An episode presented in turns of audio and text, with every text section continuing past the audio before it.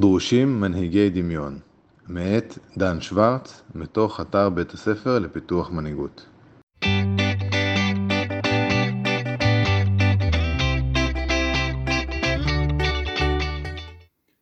דמיינו זחל. בתוכו יש כשבעה מיליארד תאים.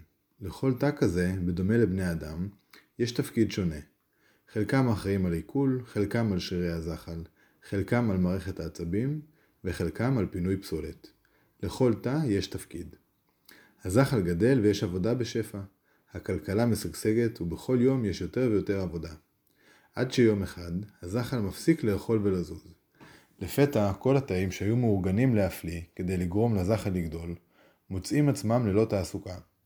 תאי העיכול אומרים, אוי ואי, אין עבודה היום, שום אוכל לא נכנס.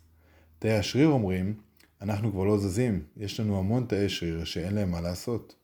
התאים במערכות השונות מתחילים להבין שזה כבר לא עובד.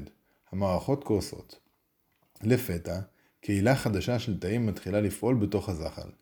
התאים הללו זהים מבחינה גנטית לכל שאר התאים, אך הם מתחילים לראות את המצב באופן שונה. תאים אלו מכונים תאי דמיון.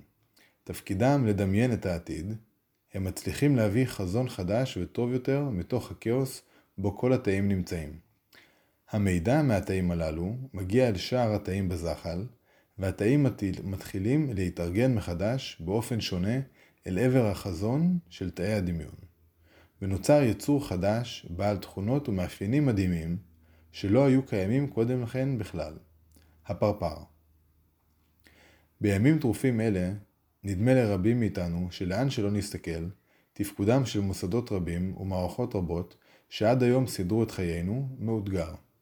תהליכים רבים עוצרים, מקרטעים או מתמוטטים, ותחושת הביטחון שלנו במערכות השונות נסדקת. כל אלה מאתגרים את היכולת שלנו לראות את האור בקצה המנהרה. באשר למנהיגות, נראה כי האימון במנהיגות אף הוא מתערער, בקרב חלקים נרחבים של האוכלוסייה. די להסתכל במדד אמון הציבור המתפרסם אחת לשנה כדי להתרשם מכך. לאן כל זה הולך? במאמר דעה שפורסם לאחרונה, ראש השב"כ לשעבר יובל דיסקין כותב כך: שמעתי בחודשים האחרונים רופאים ומומחים מדברים על נגיף הקורונה ומגדירים אותו יריב ערמומי וחמקמק.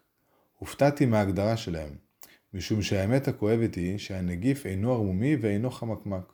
הוא סתם מטען גנטי חסר אינטליגנציה. לכן הגרפים המדאיגים של מספרי קורבנותיו הגויים אינם אלא השתקפות עגומה של פרצופה של המדינה ושל החברה שלנו בשנת 2020. האמת עליה מדבר דיסקין בהחלט כואבת. הכאוס שאנו חווים סביבנו, במובנים רבים תמונת מראה שלנו. הקורונה כמעט ולא שינתה שום דבר במציאות, ככל שניתן להגיד משפט מוזר שכזה. אבל היא כן גרמה לנו לראות, בצורה ברורה יותר, את כל מה שלא עבד כבר מזמן, אבל לא ראינו או שלא רצינו לראות.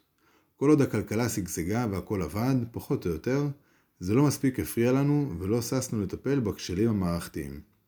הדבר דומה לאדם היודע שיש לו בעיה בשן, אך משכנע את עצמו שהנה אוטוטו זה עובר, ואין טעם ללכת לרופא. העיקר שבינתיים אפשר לאכול קצת מתוק. רק כשהכאב כבר בלתי נסבל, הוא משתכנע והולך לטפל בבעיה. תעצרו רגע ונסו לחשוב עם עצמכם, בכנות, אילו עוד מערכות או תופעות צבאיות אתם רואים כרגע במערומיהן. ותשאלו את עצמכם האם אלו תופעות חדשות או שהן היו שם תמיד. למשל, מסמוס פקודות, פקודות שלא ניתן לקיים בשטח באופן מלא וכדומה. גם הסביבה הצבאית מושפעת רבות מנגיף הקורונה. הן באופן אקטיבי, בשל שינוי משימות, נהלים, שמירה על מרחק, קפסולות, ניהול מבודדים וכדומה, והן באופן פסיבי, קיצוצי תקציב, דעת הקהל, תקשורת וכן הלאה. שינויים אלו מנענעים את הסירה ויוצרים תחושת חוסר ודאות עמוקה מתמשכת. זאת בהשוואה לחוסר הוודאות בלחימה, אשר לרוב נמשכת זמן מועט יותר ביחס למגפה.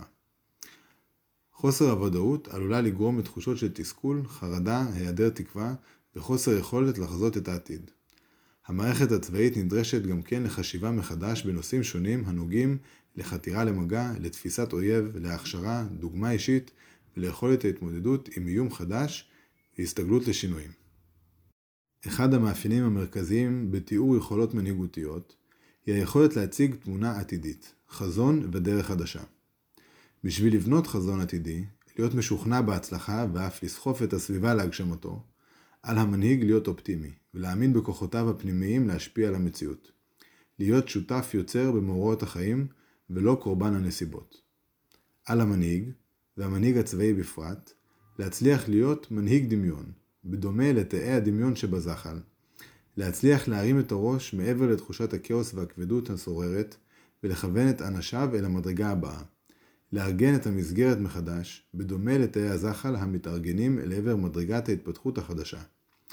אנו נדרשים למפקדים שלא ייתנו לתחושת הכאוס הנוכחי להקפיא אותם, ויצליחו לעזור לפקודיהם להרפות מהאחיזה בכל הכוח ברצון לחזור למה שהיה. מנהיגים שידעו לזהות את מצב הפרפר הבא ולהוביל לשם. אז איזה עתיד אתה מדמיין עבור המסגרת והפקודים שלך, ולאן תרצה להוביל אותם?